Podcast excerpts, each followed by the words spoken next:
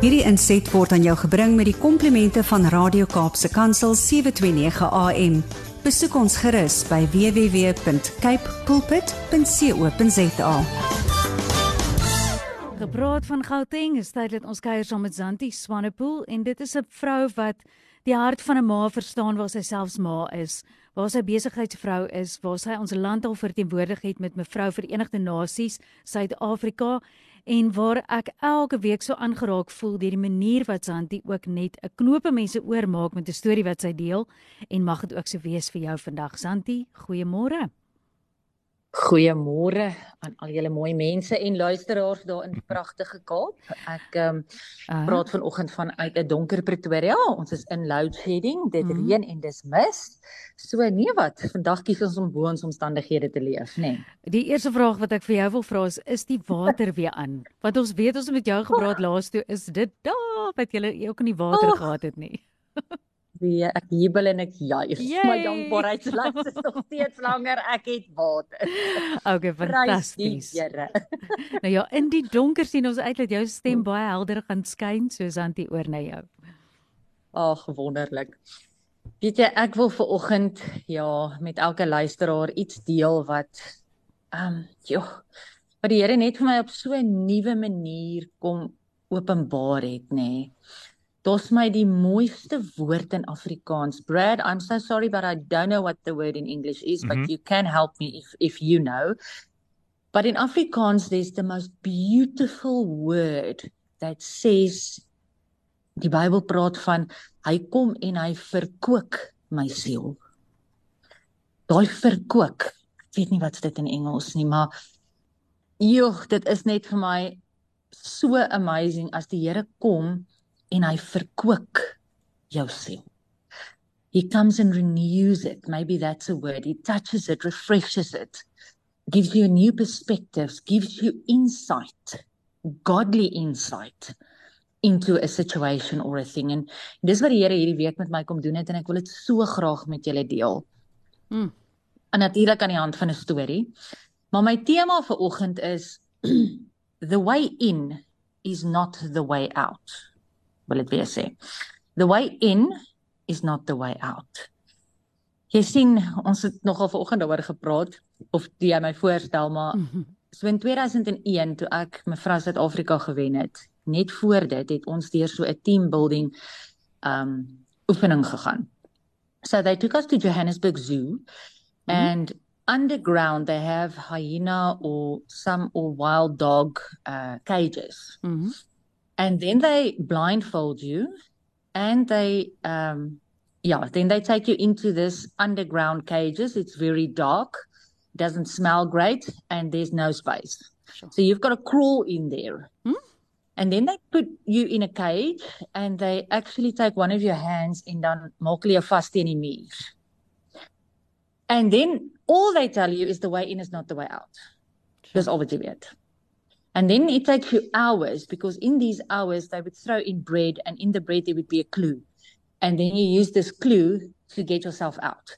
So hours after going through serious I can't even say hoe claustrophobic ou is nie. Hmm. Facing every fear that you could have thought you had because there's spiders and mice and rats and alles is daar nê. um then you then you get out of that. Maar ek is so dankbaar vir die Here vir hierdie oefening because it taught me so many things. And hierdie week kom die Here en hy herinner my daarin en hy sê vir my Zanti the way in is not the way out. Hmm. want sien soms is ons in 'n situasie where we really don't know how to get out of this. And then we think the same way that we got into it is how we must get out out of it and then the enemy will come and tell you but if if you got into that situation because of people that have been ugly to you or have been destructive to you or have had evil plans by the enemy for you then the way out is to do exactly the same hmm. and then you would get out of the situation maar ek wil vandag vir jou aan die hand van 'n storie wat almal dalk baie goed ken net vinnig kom vertel hoe die Here vir my hierdie week net weer kom herinner het and my kom verkoop het my siel how to get out of this you see one day there was a farmer who looked down oh he had a a, a donkey now imagine how hierdie ou donkey nê and this donkey fell into a well Baie van julle ken die storie. The animal cried loudly for hours while the farmer tried to find something to get him out. Finally, the farmer decided that the donkey was old and the well was already dry and needed to be covered in any way. And that it's really not worth putting the donkey or pulling the donkey out of the well. He invited his neighbors and came up with a plan that each of them would grab a shovel and began and begin to throw into this well. So he gave up on the donkey and the, there was no purpose for the well anymore. Hmm. But the donkey realized what was happening and cried horribly loud. Then, to everyone's surprise, he quieted down after a few shovels of dirt. Hmm. The farmer finally looked down into the well and he was amazed at what he saw. With each shovelful of dirt, the donkey was doing something incredible. It was shaking off the dirt and stepping on top of it.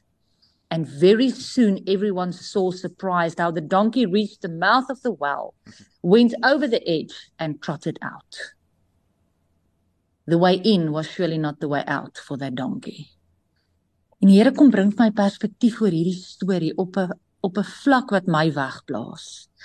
And he says to me, Zanti, sometimes the enemy will see that you fall into a well.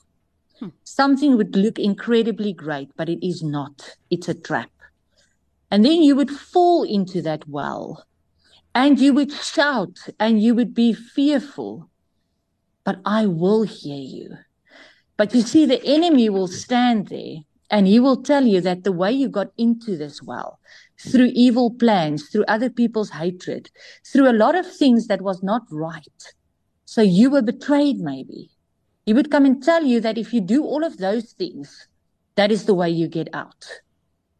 But then God comes and He gives me this awakening that that is not the way you get out, Zantie. Do you remember in that zoo, the way you got in there by these people bringing you in and putting you against a wall and, and locking a door was not the way you got out. Ek wil vandag vir jou sê maybe you are in this place in your life where you are in a situation and you surely don't know how you're going to get out. The points that God revealed to me this week is firstly, if you are that donkey and everybody has given up on you and you've given up on yourself, maybe that's not a bad place to be. For when you surrender it all, only then, when you give up and you give over, then James 4 verses 10 says, humble yourself before the Lord and he will lift you up. Hmm. The second thing is that we should not walk in faith. Ach, walk in by sight, by only by faith. Not what you see. If that donkey lived by sight, it would have given up. But maybe it walked in faith. Seek wisdom because wisdom will give you the creativity, the plans, the godly counsel, people that'll help you. And then the biggest thing to get out of this is to forgive the people. You see, when that donkey came out of that hole, it didn't say it went and it kicked the farmer. It said it came to the mouth of the well and it trotted away. When you forgive the people that put you into that hole, then God will use them to get you out. He used the farmer that wanted to kill the donkey to get lots of people to help the donkey get out. God can use situations that are planned for your detriment, for your destruction. He can use that when you forgive those people, and even they will help you get out of that mess. And then He has given you the armor, the armor, the shield of faith, believe, the belt of truth, know the truth over your life the sword of the Spirit. You are not in that hole alone. He fights for you. The feet that are prepared to do good work. You can shut stuff that, that dirt out and, and get out. The breastplate of righteousness. You don't deserve it. You got it as a gift. And the helmet of salvation. I want to tell you today that the way you got into your situation Sometimes it was through bad decisions on your side. Sometimes it was life happening. It doesn't matter. Grace is there for you. But if you're in that well and people actually have given up on you, you've given up on yourself, you don't see a way out, This morning, I want to tell you surrender to God. Mm. Walk in faith, seek wisdom, forgive those people because God will use them to get you out. Mm. And put on the armor God gave you in Ephesians 6. And may His power through the Holy Spirit be noticeable in your life this week. Amen. Zanti, so baie dankie en weer eens gesels ons oor die krag van God wat binne ons leef en wat ons kan uitleef en ons is so bevoorreg dat jy met ons deel uit jou eie lewe en dat jy altyd ook sê as voorbeeld jy praat eers die hartse met jouself. Ons waardeer jou so baie. Ons hoop ehm um, die sonnetjie kom so stelselmatig op as hy nog nie op is daar nie, maar ehm um, dat jy vinnig die ketel kan aansit as die beerkrag nou eers verby is daar. Fantasties. Ek hardloop net daai keer tot vanoggend hoor. oh, Sandy, wonderlike dag vir jou hoor. Bye. Dankie julle tata. Hierdie inset was aan jou gebring met die komplimente van Radio Kaapse Kansel 729 AM. Besoek ons gerus by www.cape pulpit.co.za.